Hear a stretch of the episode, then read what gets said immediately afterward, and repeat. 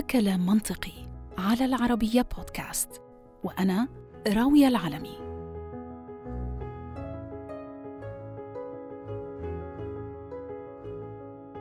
إيلون ماسك الاسم الأول في عالم التكنولوجيا والتقدم العلمي. حاسة كأنه هاي الجملة طالعة من إعلان تلفزيوني ولكنه هو بالفعل الاسم الأول في التقدم العلمي ووجه تكنولوجيا في القرن الواحد والعشرين.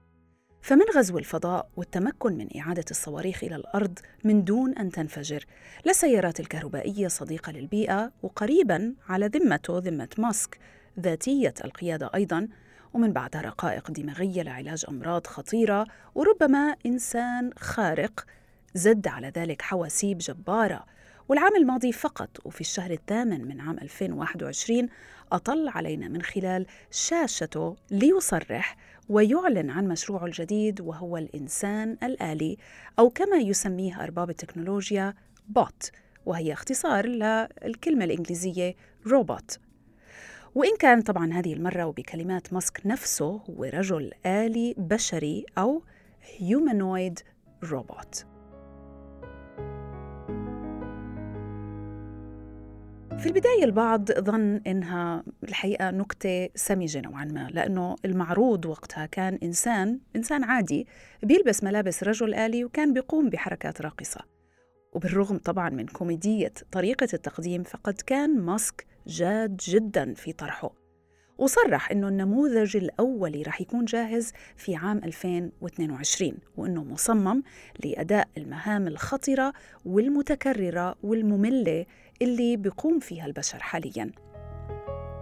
ومثل ما بيعمل أي أب فخور فإيلون ماسك أعطى مولوده المنتظر اسم وهو أوبتيموس.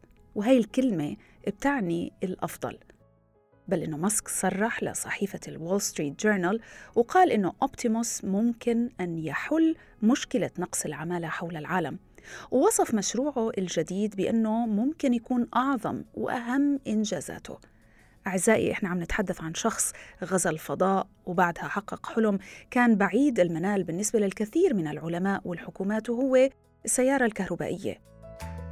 ماسك بيقول بأنه بالنسبة لأولوياته ما بين منتجاته واختراعاته لهي السنة لعام 2022 فالأولوية هي لأوبتيموس.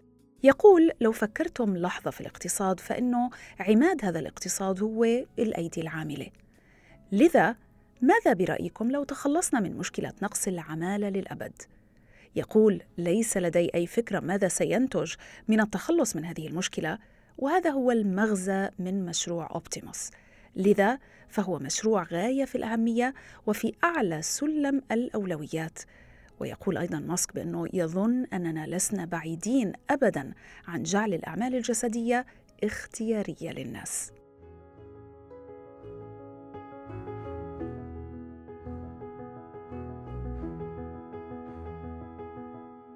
إذا قبل ما نتابع حديثنا اسمحوا لي أعزائي أرحب بضيف حلقتنا لليوم الدكتور أنس نجداوي أستاذ مشارك في جامعة أبو ظبي ومستشار في إدارة الأعمال الرقمية. أهلا بك دكتور معنا في كلام منطقي. أهلا وسهلا بكم شكرا.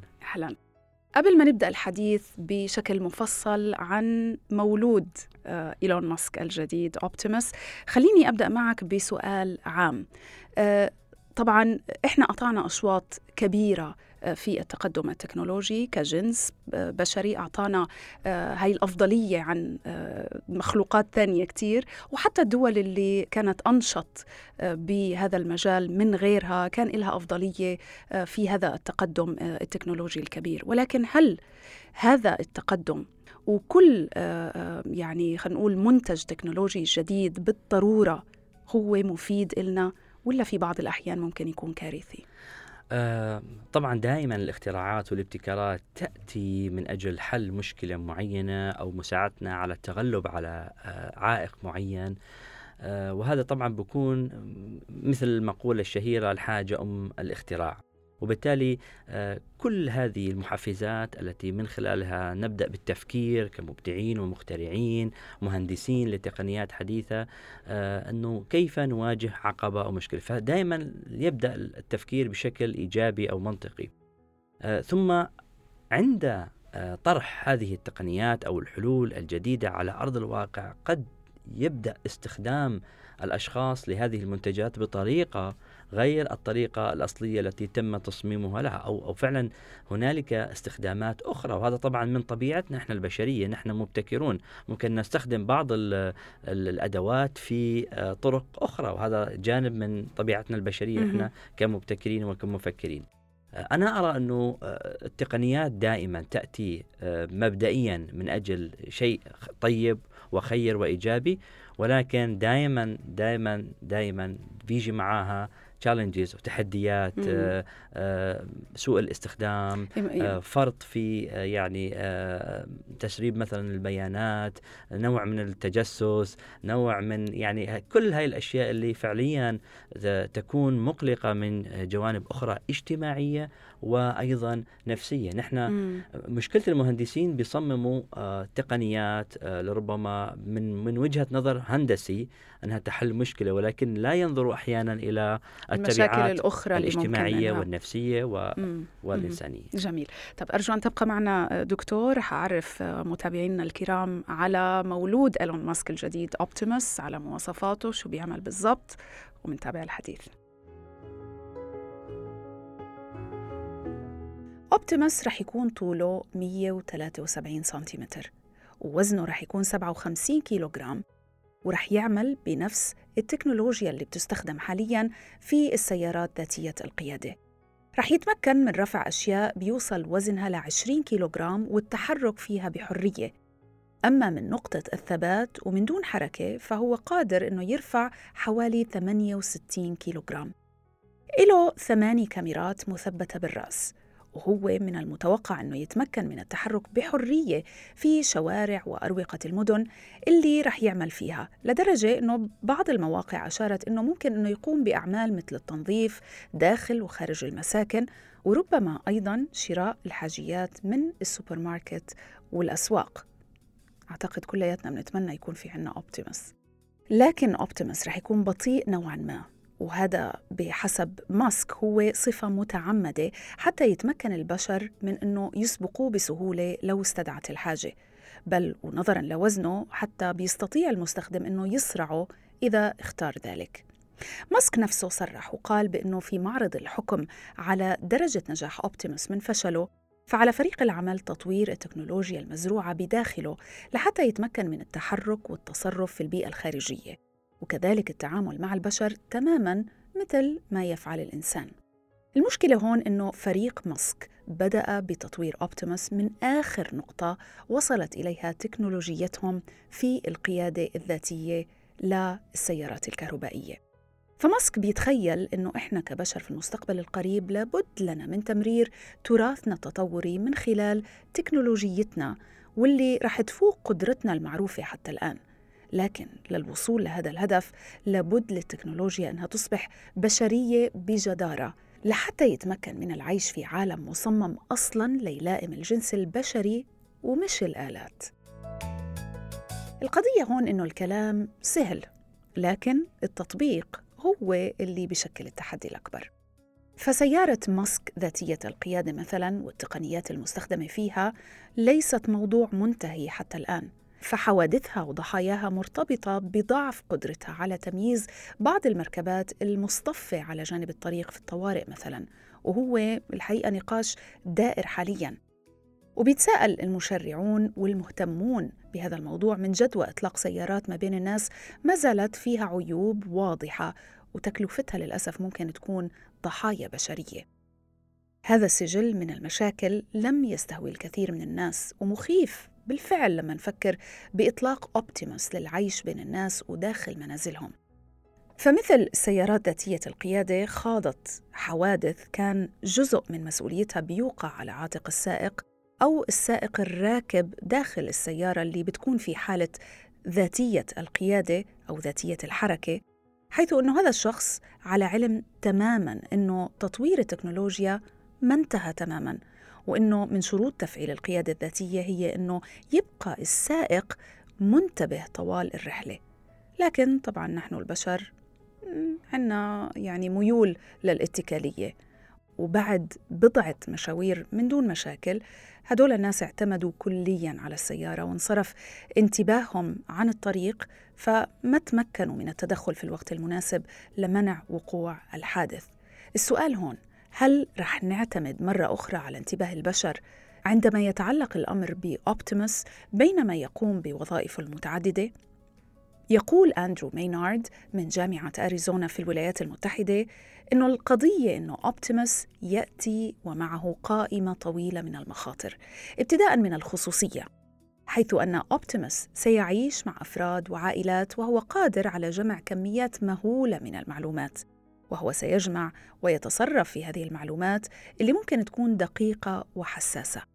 كما هناك أيضا تحديات مرتبطة بالبشر وردة فعلهم على التفاعل مع رجل آلي وربما عدم توافق أخلاقياتهم وأيديولوجياتهم مع فكرة أوبتيموس.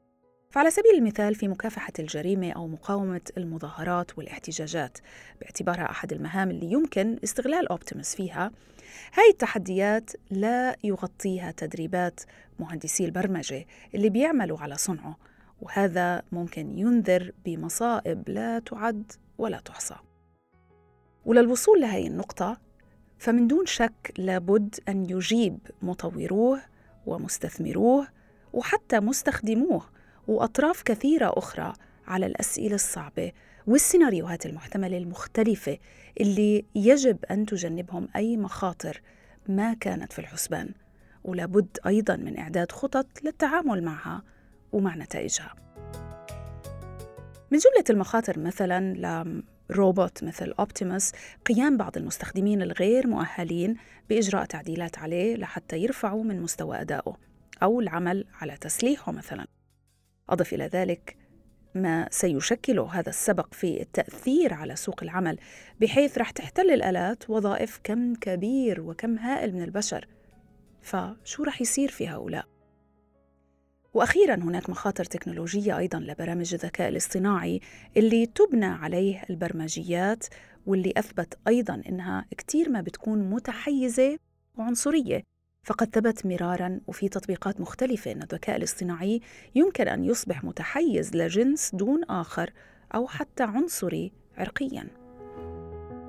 بتابع أندرو مينارد قائلا أوبتيموس ممكن يكون خطوة بسيطة من خطوات ماسك وتصوره لمستقبل بتسوده تكنولوجيات بيقودها بشر خارقين. لكن المشكلات اللي ممكن تنجم عن جموح خيالاته وطموحاته هي مشكلات حقيقية وممكن ترقى لتكون كارثية فهل رؤية ماسك رؤية مسؤولة؟ مجرد فكرة أنه يستطيع المجازفة متى أراد وبما أراد لتحقيق أحلامه التقدمية والمستقبلية فالسؤال بيكون هل يجب أن يفعل ماسك ذلك؟ وهل هذا المستقبل في مخيلة ماسك هو أفضل سيناريو مستقبلي للبشرية جمعاء؟ أو حتى هل هو مستقبل مقبول من جموع البشر؟ وبعدين مين رح يدفع الثمن إذا ما أخطأ ماسك في حساباته؟ وبيأكد مينارد بأنه ماسك لن يدفع الثمن وحده. وبضيف ويقول أنا كشخص يعمل ويدرس ويكتب عن مستقبل الابتكار وتأثيراته على مستقبل البشر لدي الكثير من المخاوف والتحفظات على هذا النوع من المشاريع. يقول لا تفهموني خطأ فأنا لا أقول أنه أوبتيموس هي فكرة خاطئة. أو أنه ماسك لا يجب أن يحلم بمستقبل مضيء. لكن ما أقصده هو أن هذا النوع من التقدم لابد أن يتم بطريقة وبخطوات صحيحة. فهذه أفكار وتكنولوجيات مفصلية ووجودية ممكن أنها تفتح لجنسنا البشري مستقبل واعد مليء بالفرص ولمليارات من البشر. لكن إذا ما انساق المستخدمون والمستثمرون تحت أو وراء سحر هذه الأفكار وتجاوزوا احتمال نشوب أخطاء أثناء محاولة الوصول لهذا الهدف المنشود فهؤلاء جميعا رح يكونوا عاجزين عن رؤية الصورة كاملة. طيب عودة إليك دكتور أنس. أوبتيموس بنحكي عمالنا عن روبوت رح يكون ساكن معنا بالبيت آه، رح يستبدل أو على الأقل رح يقوم بأعمال كثيرة يعني ممكن عن جد إنها تسهل حياتنا ولكن رح تكون خصوصيتنا معرضة للاختراق آه، ممكن يكون في سوء استخدام لمثل آه، هاي الآلة اللي عايشة معنا رح تكون جزء من منا ومن عيلتنا. خلينا نحكي عن هذا عن هذا الجانب. هل ممكن اختراع مثل اوبتيموس بدل ما يكون نعمة ينقلب لنقمة؟ آه طبعا يعني آه مثل هذه الروبوتات اللي هي فعليا إحنا كنا نشوفها كثير بالسابق بالأفلام الخيال العلمي وفعليا عندنا نوع من آه، الفكرة عنها يعني شفناها ولكن الآن أصبحت قريبة جدا من الواقع. يعني فعليا الآن في عندنا بالبيت كثير من الأجهزة اللي بتشتغل وتساعدنا في حياتنا من الغسالة من الروبوت من المكنسة. ولكن الآن سيأتي روبوت وهو فرد كأنه إنسان أو شخص بهيئة شخص. سوف يقوم بالتعامل معنا ويكون ربما جزء من العائلة أو جزء من الفريق اللي إحنا بنشتغل فيه كشركة ربما. ممكن هذا طبعا يخلق نوع من المشاعر الغريبة المختلطة. يعني أنا كيف بتعامل مع الآلة؟ الآلة ممكن تزعل مني جانب المشاعر آه وبنعطيها داي أوف كمان يعني يوم إجازة للآلة. الآلة ما راح تاخذ داي أوف أكيد. يعني أنا لا تمل هي صممت لتنفيذ العمليات الرتيبة التكرار الممل. هذا في البداية طبعا. آه هذا الجيل الأول من هذه الروبوتات اللي راح تطلع. آه وراح يتم تصميمها على فكرة بأنها ما تكون كتير ذكية. وما تكون كثير آه، من ناحية يعني آه، جسدية أقوى وأسرع من, من الإنسان بالضبط. لأنه في نوع من الخوف إنه ممكن هذه الأجهزة إنها تسيطر أو تهيمن علينا. آه فبالتالي ما بعرف أنا بحس إنه ممكن نصير يعني آه كسولين في بعض الجوانب آه أكثر ممكن نصير اعتماديين آه أكثر, أكثر على, على هذه الآلات. وهذا على فكرة هذا طبيعي يعني إحنا كثير آه، التقنيات يعني بتدخل بحياتنا إحنا وبتغير. هلا ولا حدا فينا متذكر مثلا أو بيقدر إنه يتذكر رقم تليفون واحد بينما من خلينا نقول من 15 سنة من 10 سنين من 20 سنة كنا حافظين كل أرقام تليفونات آه، يعني كل ذوينا وأصدقائنا وأهلنا وما كان في مشكلة في الموضوع ف طبيعتنا الاتكالية بالفعل ممكن تكون بتخوف آه، بحيث أنه آه، شوي شوي رح نفقد آه، جزء من قدراتنا لصالح الآلة. وهذه العضلات عضلة التفكير وعضلة يعني الحسابات. على فكرة الآلة حتضل هي أسرع منا من بجانب الحسابات والأرقام crunching numbers. فهي تفوقت وهي على أرض الواقع تفوقت علينا. إحنا ممكن ننافس الآلة في جوانب أخرى من ناحية الخيال من ناحية الابتكار من ناحية لربما إحنا إحنا يصير لنا دور أكثر آه، في الجوانب الإبداعية اللي حاليا الآلة ليست يعني أفضل منا فيها صراحة. الآلة هي ممتازة في بعض الأشياء ولكن إحنا إذا دربناها كويس على tasks معينة ومحددة مهمات معينة آه، إنه الآن نحصل على روبوت جنرال بسموه general AI لسه كتير بدنا وقت. رح أرجع لهي نقطة ال general AI واللي حتى إيلون ماسك كان بيحذر من إنه ممكن إنها تطور آه آه وعي خاص لإلها إحنا ما بنقدر نتحكم فيه. رح أرجع لهي النقطة. ولكن فيما يتعلق بأوبتيموس آه ذكرت بإنه الآلات ممكن تكون أفضل منا بكثير فيما يتعلق بالأرقام crunching numbers وما إلى ذلك. اوبتيموس بيستخدم آه، التكنولوجيات اللي مستخدمة في السيارة الكهربائية تسلا وتحديدا في نظام القيادة الذاتية واللي أثبت يعني بل بلاش نقول فشل ولكن عدم نجاعة مية في المية وكان في كتير من الحوادث وممكن كوارث تحصل وما زال آه، فيما يتعلق بالقيادة الذاتية آه، انتباه الإنسان مطلوب. طب كيف عمالهم بيستخدموا هاي التكنولوجيات في روبوت رح يكون جوا البيت؟ ممكن بالفعل تكنولوجيا غير كاملة تؤدي لكوارث. أو غير ناضجة التطور مم. والنمو. أه حبيت بس أعلق على نقطة. التقنيات التي بنستخدمها أه تستخدم حاليا في تسلا أه منه هي الإدراك المحيط ومحاولة فهم من خلال الكاميرات المدعمة بتقنيات التعلم الآلي آه، أنه شو هي الاوبجكتس هذه اللي حوالين السيارة بحيث أنه السيارة تاخذ قرارات إنها تسرع توقف؟ واحيانا صار في خطأ إنه الكاميرات ما كانت تنتبه إنه في عندنا باريرز معينة وبالتالي. كانت السيارة تضلها ماشية. هذه التقنيات آه لن تستطيع أنه تقوم بدورها بشكل فعال 100% إلا إذا تم تدريبها. وتمرينها بشكل كبير جدا. يعني, يعني محتاجة وقت. محتاجة إلى تدريب محتاجة إلى بيانات سيناريوهات عالية ومن أجل مثل الأطفال. يعني الطفل لما ينولد ويبلش يدرك الأشياء هو على فكرة عم بيخزن هاي المعلومات وهاي الصور وهاي الأصوات. وبالخطأ وبيخطأ أول مرة وثاني مرة بس بعدين بينتبه إنه هذا مثلا barrier لازم أنا أمشي على اليمين أو أبعد مم. عنه. آه هذه نار بتحرق مثلا.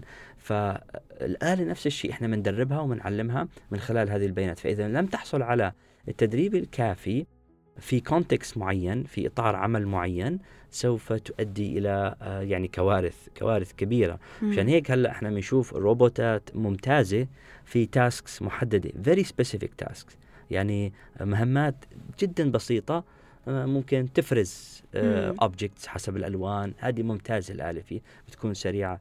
لكن لما نعطيها تصرف كامل إنها تمشي في الطريق وتتفاعل مع المحيط وفي عندنا objects يعني ممكن يكون ممكن يمرق قطيع من الحيوانات. يمكن أول مرة السيارة آه، بتشوف هذا النوع من الحيوانات فممكن ما يعني آه، تدعسهم مثلا, مثلا على سبيل المثال. فاه فإحنا دائما هاي هي النقطة. وإذا بنلاحظ هاي السيارات اللي هي شبه آه، يعني النصف روبوت تمشي على يعني أربعة عجال بنلاحظ إنه في دائما لها update وفي لها دائما software update فهذا كله من ال challenges أو من الأشياء اللي لازم دائما آه نفكر فيها. والروبوتات فعليا آه بتحتاج إلى هذا التدريب أو هذا التعليم أو م. هذا ولازم تعمل أخطاء. لكن هون بنفكر إحنا كمهندسين أو الناس اللي بيصمموا آه، بيهندسوا هذه ال robotics كيف ال security لازم دائما يركزوا على جانب ال security والأمن.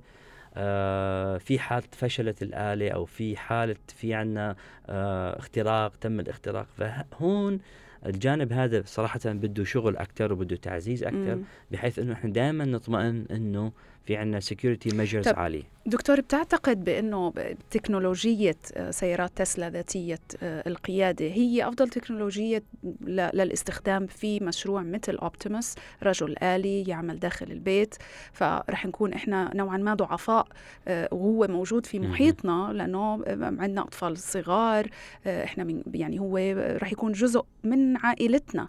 فالمفروض أنه يكون يعني مواصفات السلامة والأمان ال cyber security كمان يكون كتير كتير عالي عنده بحيث ما حدا يقدر يخترقه مثلا وبالتالي يخليه يأذينا مع إنه هو يعني عايش بيننا. صراحة يعني في في مخاوف. ما بنقدر نحكي إنه ما في أي object بيعمل باستخدام تقنيات الشرائح الإلكترونية ومربوط بالإنترنت يعني آمن 100% أكثر جهاز آمن هو الجهاز المفصول عن الكهرباء. فبالتالي اللي ما بيعمل أصلا, أصلاً ف risks موجودة صراحة. risks موجودة آه، آه، فبالتالي آه، دائما ما نقدر نحكي إنه إحنا مية بالمية. لكن إحنا فينا نعزز مستويات الحماية ونحط أنواع من ال controls أو levels of security بحيث إنه تزيد من حماية التحكم بمثل هذه الآلات. التشفير في عنا كثير تقنيات ممكن نستخدمها أيضا. بتأثر على طريقة ال performance أو الأداء بس في في بعض آه يعني من الأشياء الأمور اللي ممكن إحنا تزيد نسبة الأمان. مم. في البيت صراحة أنا ما بعرف إيلون ماسك دائما هو شخصيته بحب هو صحيح ابتكاري وطموح وعنده أفكار out of the box بس أنا أتوقع في القريب العاجل ما بنقدر نلاقي روبوت 100% بيشتغل وبيعمل كثير من الأنشطة. لكن بعض الأنشطة البسيطة ممكن تكون هو وجوده أنه بيمشي بيلقي التحية. بيعمل بعض العمليات البسيطة بيحمل بس بعض الأشياء ممكن يعمل بعض الأعمال المنزلية الخفيفة اللي في موجود already روبوتات. في مثل مثل هيك اللي بتكنس الأرض بتمسح الأرض مثلا. لكن ولكن هو إيلون ماسك عم بيشوف إنه بالسوق لربما الشركات السيارات الألمانية أو المنافسين يعني هم عم بيدخلوا بتطور سريع وأكبر. مم. فبالتالي هو عم بيواجه منافسة شديدة في هذا المجال مم. وعم يخسر آه، لربما بعض آه، من آه، القوة يعني في السيطرة على هذا السوق وهو بيحاول الآن يتجه إلى سوق جديد مم. هو طبعا حيستفيد من قوة التقنيات اللي طبقها أو استخدمها عنده في سيارته من من خلال الكاميرات اللي بتتعرف على المحيط وعلى ال environment وبده يحاول إنه يطبقها في منتج جديد وهذا التفكير على فكرة business يعني تفكير آه، تجاري وذكي آه، لما عم بيشوف حاله إنه يعني بشوي شوي عم بيخسر آه، قوة في في في قطاع معين إنه بيحول نحو قطاعات أخرى.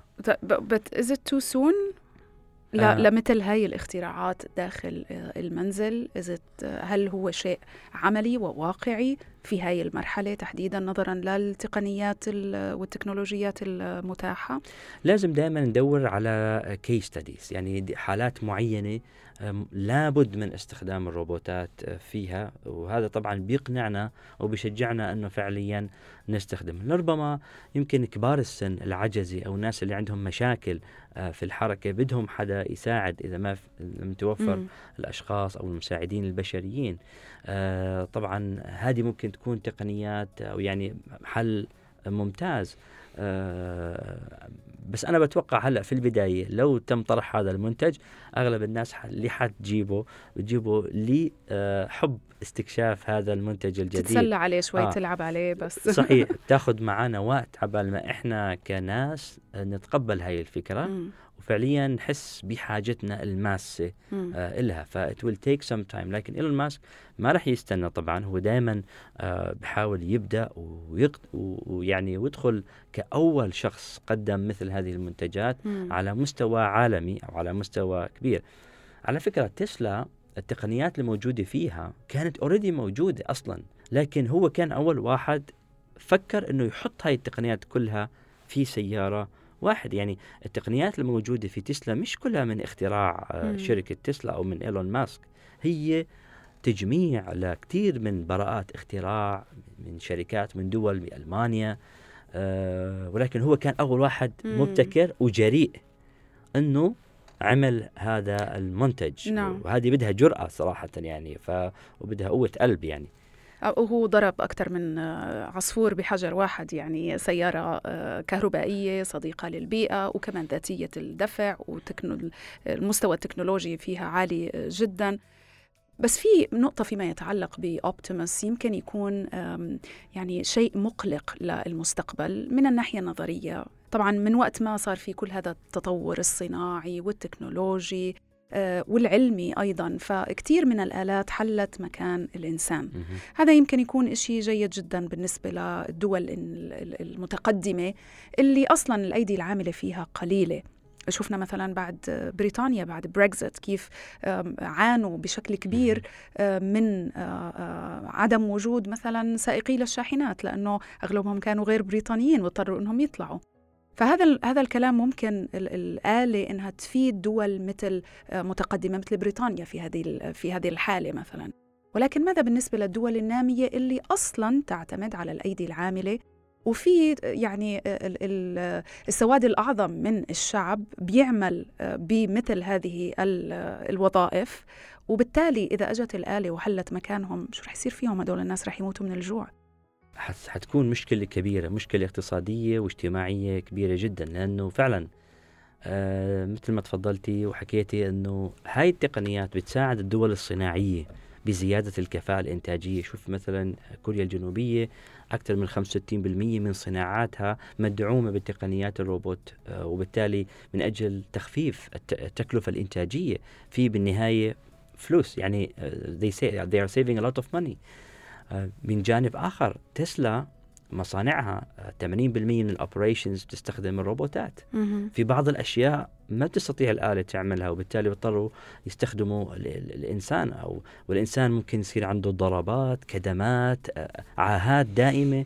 فهون بمثل هذه الحالات آلات تحمي الإنسان من من هاي المشاكل بال بال بالوظائف الخطرة بال بال بالعمليات اللي ممكن تكون فيها شوية risk عالي.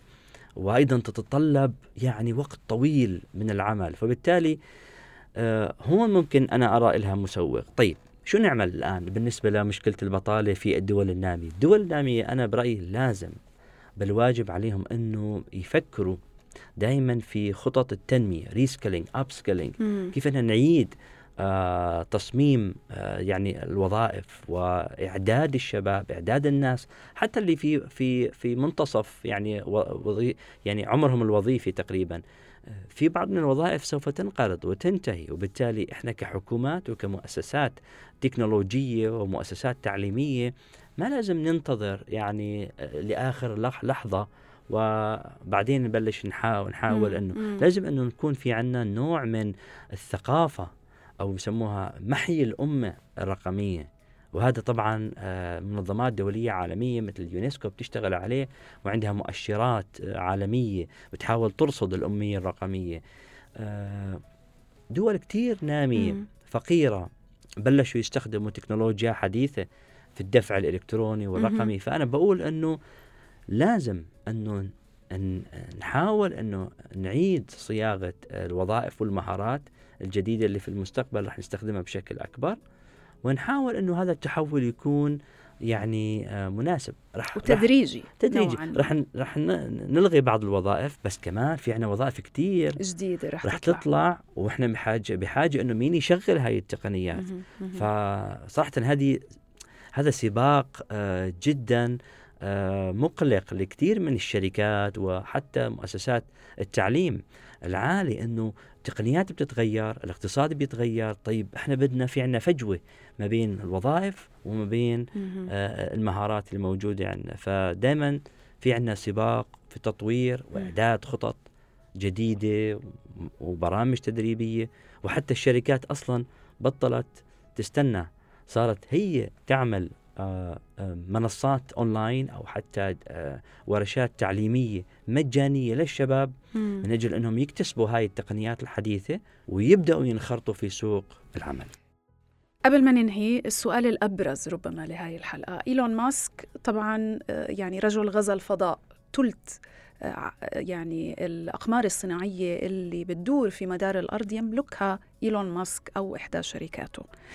رجل حقق حلم آه، اللي هي السيارة الكهربائية اللي ظلت حلم لكثير من السنين. زي ما ذكرت هو جمع تكنولوجيات مختلفة وخلى هذا الحلم حقيقة. والآن ذاتية القيادة مع أنه هذه التكنولوجيا ليست ناضجة بالشكل الكافي. آه، أيضا تشيبس آه، رقائق توضع في في دماغ الإنسان ممكن أنه تعالج بعض الأمراض.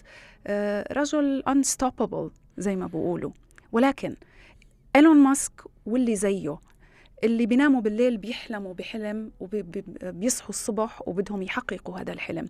بيملكوا القدرة المادية لتحقيقه. بيملكوا الكوادر للبحث والتطوير. هل من المفروض إنه أي حلم بيحلموا فيه آه، يصحوا وينفذوه ويجنوا أرباحه إذا نجح ولكن إذا فشل في شخص آخر أو أشخاص ربما البشرية كلها اللي رح تدفع الثمن.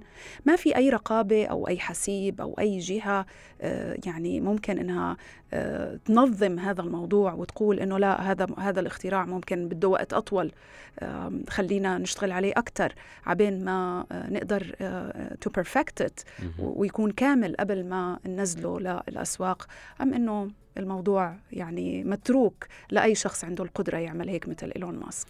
طبعا إيلون ماسك هو رجل أعمال وبالنهاية بهمه مصلحته بهمه آه، أكيد هو يعني بيحاول يحل مشاكل معينة في المجتمع لكن هو بالنهاية عنده شركات وهو رجل أعمال وبحب أكيد يربح مزيد من الأموال. آه، وهي تفكير تفكير أكثر يعني آه، يعني الشركات بهذا المجال إنه هو كان بروفيت من خلال اختراع منتجات جديدة. للأسف شو بدي أحكي لك راوية يعني ممكن هذه الشركات أحيانا تمارس نوع من الضغط يعني هي أحيانا تتحكم بالحكومات بحسها نعم. في بعض الأحيان مثلا نعم. إذا إذا كان إيلون ماسك يملك ثلث الأقمار الصناعية في مدار الأرض فتخيل قديش الحكومة الأمريكية محتاجيته لأغراض مدنية وعسكرية مثلا محتاجة لأقماره الصناعية أوكرانيا مثلا آه أثناء الحرب طلبوا آه يعني مساعدة وقدم مساعدته. يعني أكيد آه، طبعا هذه قوة هذه نوع من أنواع أشكال القوة التكنولوجية اللي الآن الدول تسعى لتطوير مثل هذه التقنيات. لكن أنا أتوقع أنه آه، هي مش شغلة فردية. أكيد دائما في عندنا جهات رقابية بتحاول أنها تنظم لكن للأسف دورها بيكون متأخر أحيانا. يعني طبعا إحنا بنعرف الآن إحنا في العصر عصر الاقتصاد المعرفي. كل أو أغلب الشركات هي تك دريفن أو حتى من خلال التكنولوجيا. ففي عندنا نزعة أنه آه، نشجع أي أفكار تكنولوجية وفي دعم كبير من الحكومات. لايمانهم بأهمية هذا النوع من الاقتصاد هو فعليا آه، يقدم كثير من الحلول. فمن خلال هذه الفرصة قد يتم تطوير تقنيات مخيفة بل مرعبة. يعني قد تستخدم بشكل غير آمن. شوفي المشاكل اللي كانت تصير معانا هلأ مثلا بال cryptocurrencies يعني هذه احدى إحدى دليل على الكوارث اللي صارت إنه تقنية حديثة لها تطبيقات ممتازة. آه ما حدا فاهم بالضبط آلية عملها. آه من الشباب اندفعوا استخدموا استثمروا أموالهم. خسروا أموالهم. نعم. وبالتالي للأسف في عنا فراغ تشريعي على المستوى الدولي ربما تكون الدولة معينة عندها تشريعات معينة تضبط. لكن إحنا في عصر الفضاء الرقمي أنت بتفتح شركة الأونلاين زباينك ممكن يكونوا من أي مكان بالعالم. وبالتالي والتطور سريع جدا يعني سريع صعب مواكبته. وبالتالي نحن بحاجة إلى تنسيق دولي يعني آه ويكون سريع أكثر التقنيات على فكرة هي بتسبق. يعني الآن آه، شبه آه، الجيل السادس من تقنيات آه، اللاسلكية موجودة ولكن هي تأخذ وقت عبال ما يتم الموافقة عليها من خلال المجلس التقني وبالتالي هدول الناس اللي بيطوروا التقنيات هم أسرع دائما من المشرعين أو الناس اللي بيتحكموا في إدارة هذه التقنيات اللي هي عم بتأثر على حياتنا. أنا أنا برأيي الشخصي أهمية التشريع سوف تزداد بشكل أكبر آه، في في, في الأيام القادمة.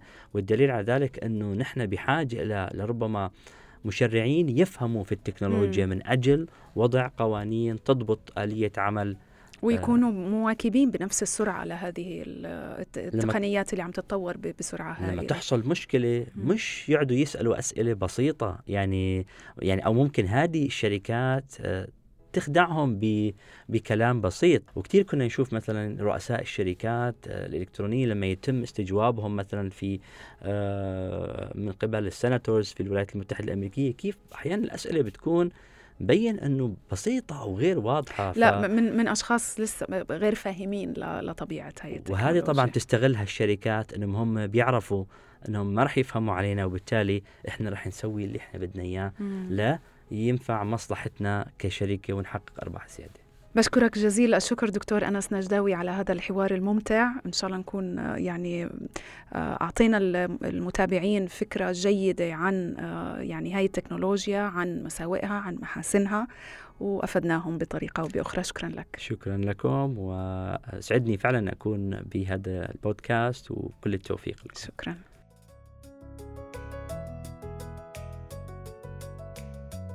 في ختام حلقتنا. اسمحوا لي إني أضم صوتي لصوت مينارد. فالمجتمع البشري عم بخاطر بمستقبل جنسنا بأكمله. عبر وضعه في أيدي مليارديرات ممكن يكونوا أذكياء أو حتى يمكن عباقرة مثل ماسك. لكن هذا ما بيمنع من إنهم ممكن يكونوا أيضا مجانين أحيانا. وإنه بعض هؤلاء ممكن يملكوا من الطموح ما قد يفوق فهمهم. وذلك لأنه للكثير منهم هواية كسر المستحيل وإلا لما تمكنوا طبعا من جمع كل هذه الأموال الطائلة والمهولة. فهل رح نسمح لحفنة من هؤلاء أنهم يلعبوا بمستقبلنا جميعا؟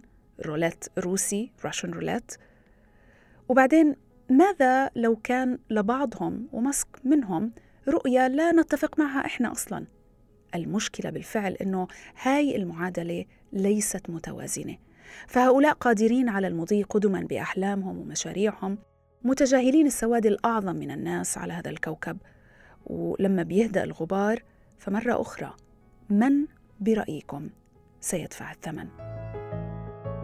في النهاية أفلام هوليوود ممكن ما تكون مبالغ فيها كثيرا وربما بعدها عن الواقع ليست بالمسافة اللي إحنا منظنها فمن مشاهد Don't Look Up لما قام المستثمر التكنولوجي المجنون معتمدا على ثقته العمياء في أدواته بمحاولة إنقاذ الكوكب وفشلوا طبعا فيها من دفع الثمن البشرية جمعاء أم عندما يجن الرجل الآلي فيقرر أنه يتصرف من تلقاء نفسه مثل ما صار بآي روبوت أو حتى تيرمينيتر فأيضا من سيدفع الثمن؟